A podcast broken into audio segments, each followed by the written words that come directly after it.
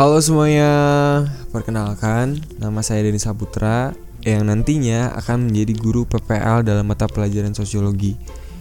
Nah, kenapa Bapak bikin Bapak kenapa saya bikin podcast ini supaya kalian lebih fleksibel dalam memahami materi yang akan diajarkan. Kalian bisa mendengarkan podcast ini sambil tiduran, sambil makan, sambil main game, itulah.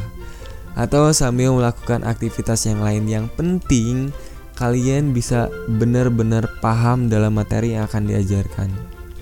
Sekarang kalian sudah masuk bab 2 yang membahas mengenai individu, kelompok dan juga hubungan sosial yang pastinya dalam kehidupan sehari-hari pun kita selalu berhubungan dengan orang lain. Contohnya kayak di rumah kita selalu ngobrol sama ayah, sama ibu, sama keluarga yang lain atau saudara-saudara yang lain. Ketika kita menggalau kita suka curhat ke teman, ke mantan ataupun gebetan mungkin ataupun ketika kita di sekolah kita suka hmm, berinteraksi dengan teman-teman, dengan guru dan sebagainya.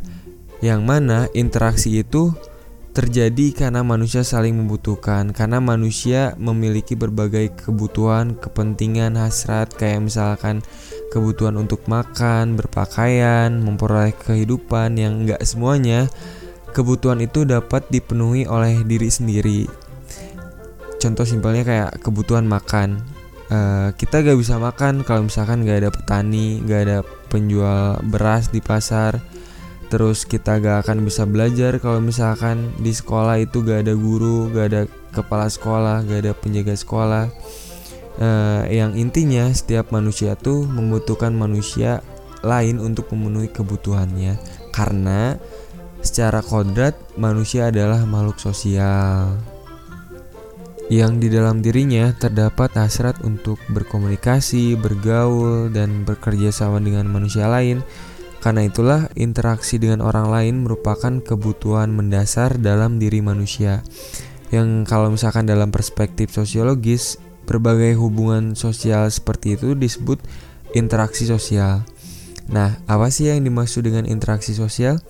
Yang dimaksud dengan interaksi sosial adalah hubungan timbal balik antara individu dengan individu, individu dengan kelompok, dan antara kelompok dengan kelompok di dalam masyarakat. Ingat ya, itu definisi dari interaksi sosial. Terus kita ulik nih. Di dalam pengertian itu ada dua konsep dasar yang harus kalian uh, ngerti terlebih dahulu walaupun ini materinya kelas 11 ya.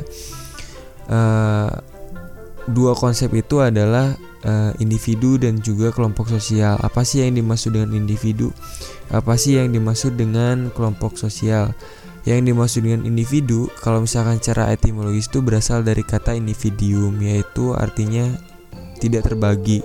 Nah, sedangkan secara bahasa yang dimaksud dengan individu adalah bagian terkecil dari kelompok masyarakat yang tidak dapat dipisah uh, lagi menjadi bagian yang lebih kecil kalau misalkan kita berbicara individu maka kita berbicara tentang manusia sebagai pribadi yang unik satu sama lain karena manusia itu berbeda dengan manusia yang lain dan gak ada manusia yang sama persis di muka bumi ini walaupun mereka dilahirkan kembar identik. Nah, yang dimaksud dengan kelompok sosial sendiri itu adalah sekumpulan manusia yang memiliki persamaan ciri e, memiliki pola interaksi yang terorganisir secara berulang-ulang serta memiliki kesadaran bersama akan keanggotaannya. Nanti kalian belajar nih di kelas 11, tapi untuk sekarang minimal kalian tahu apa itu yang dimaksud dengan individu dan apa yang dimaksud dengan kelompok sosial. Dalam interaksi sosial, salah satu pihak harus memberikan stimulus atau aksi dan pihak yang lainnya harus memberikan respon atau reaksi. Hal ini berbeda dengan hubungan manusia dengan benda mati. Contohnya, Najwa misalkan membanting gelas. Gelas yang uh, dibanting itu tidak akan merasakan apa pun atau memba membalas perbuatan Najwa. Nah, pada saat itu tidak ada yang namanya interaksi sosial karena si gelas tidak memberikan reaksi apa pun terhadap Najwa. Selanjutnya, ada syarat terjadinya interaksi sosial. Menurut Surjono Sukanto, ada dua kunci, dua syarat uh, terjadinya interaksi sosial yaitu kontak sosial dan juga komunikasi. Kontak sosial, kata kontak diturunkan dari bahasa Latin, cum yang berarti bersama-sama dan tangere yang berarti menyentuh. Jadi, kontak itu berarti bersama-sama menyentuh. Secara sosiologis, eh, kontak sosial tidak selalu terjadi melalui interaksi atau hubungan fisik. Sebab orang dapat melakukan kontak sosial dengan pihak yang lain tanpa saling menyentuh misalnya berbicara melalui dukun. enggak enggak berbicara melalui telepon atau surat elektronik, uh, Gmail, media sosial, Instagram, Facebook, Twitter, dan yang lainnya. Oleh karena itu, hubungan fisik bukanlah syarat mutlak terjadinya kontak. Kontak sosial memiliki dua sifat. Yang pertama, kontak sosial dapat bersifat positif atau negatif. Kontak sosial positif mengarah pada kerjasama, misalkan kayak kalian uh, bergaul sama teman-teman yang rajin mengerjakan tugas dan sebagainya.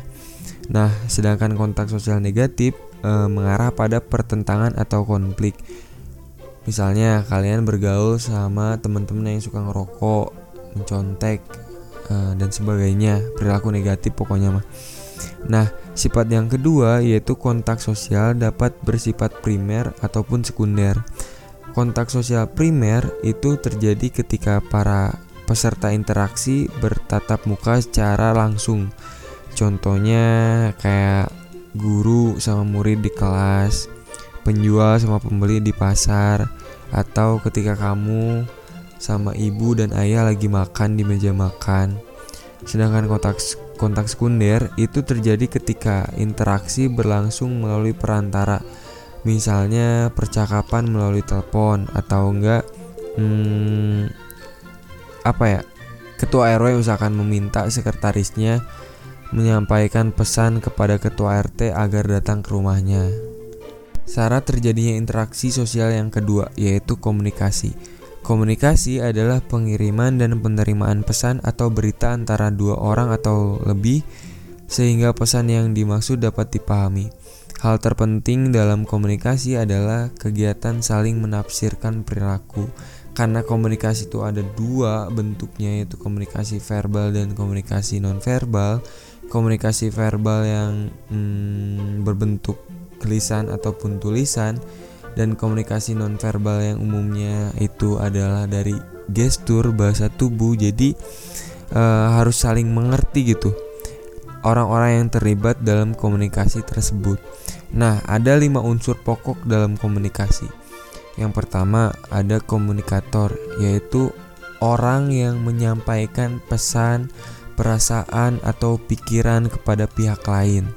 Terus yang kedua yaitu komunikan, yaitu orang atau sekelompok orang yang menerima pesan, pikiran, atau perasaan dari komunikator. Terus yang ketiga itu ada pesan, yaitu sesuatu yang disampaikan oleh komunikator. Pesan itu bisa berupa informasi, instruksi, uh, dan sebagainya. Dan yang keempat yaitu ada medianya, alat untuk menyampaikan pesannya. Media komunikasi uh, bisa berupa lisan, tulisan, gambar atau film. Dan yang terakhir adalah efek, yaitu perubahan yang diharapkan terjadi pada komunikan setelah mendapatkan pesan dari komunikator. Contoh misalnya, Kevin uh, berbicara ke Suci, Ci maafin ya karena aku telah meninggalkan kamu. Contoh ini ya contoh. Uh, kita analisis ya yang mana nih komunikatornya. Komunikatornya itu Kevin dan komunikannya Suci.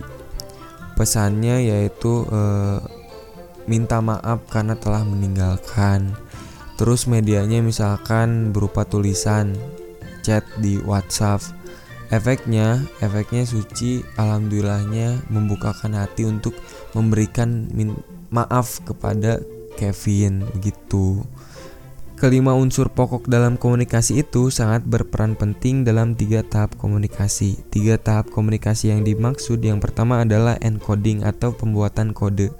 Pada tahap ini, gagasan atau program yang akan dikomunikasikan diwujudkan dalam kalimat atau gambar. Jadi, si komunikator harus memilih kata, istilah, kalimat, dan gambar yang mudah dipahami oleh komunikan. Kalau misalkan dalam contoh tersebut berarti Kevin harus e, memilih kata, istilah, kalimat, dan gambar yang mudah dipahami oleh Suci, jangan sampai membingungkan. Contoh kalau misalkan Kevin itu orang Sunda dan hanya mengetahui bahasa Sunda. Begitupun Suci orang Sunda dan hanya mengetahui mengetahui orang eh, mengetahui bahasa Sunda. Jadi uh, jangan sampai Kevin memilih bahasa bahasa Minang, bahasa Batak untuk mengkomunikasikan pesan kepada Suci agar Suci bisa memahami pesan yang disampaikan oleh Kevin gitu. Dan yang kedua adalah penyampaian. Pada tahap ini, istilah atau gagasan yang sudah berwujud kalimat dan gambar disampaikan dapat berupa lisan, tulisan, atau gabungan dari keduanya. Dan yang terakhir adalah decoding pemecahan kode. Pada tahap ini, komunikan mencerna dan memahami kalimat serta gambar yang diterima berdasarkan pengalaman yang dimiliki. Contohnya tadi, kalau misalkan Suci itu adalah orang Sunda dan maka Suci akan mengartikan si pesannya tuh ya sesuai dengan pengalaman yang dimiliki, sesuai dengan bahasa yang dikuasainya gitu. Jangan sampai uh, pesan pesannya itu dalam bahasa Minang atau Batak uh, Suci gak akan tahu gitu gak akan mengerti gak akan bisa mencerna pesan yang disampaikan oleh Kevin kalau misalkan uh, pesannya berbentuk bahasa yang tidak dikuasai oleh Suci seperti itu. Oke, mungkin cukup sekian rekaman suara atau podcast singkatnya. Kalau misalkan kepanjangan takutnya jadi pengantar tidur. Semoga bermanfaat dan kalian bisa memahami materi yang disampaikan. Tapi kalau misalkan kalian belum puas, kalian bisa cari penjelasan yang lebih jelas di internet atau buku-buku terkait. Sampai jumpa di materi selanjutnya mengenai faktor-faktor pendorong interaksi sosial. Bye bye.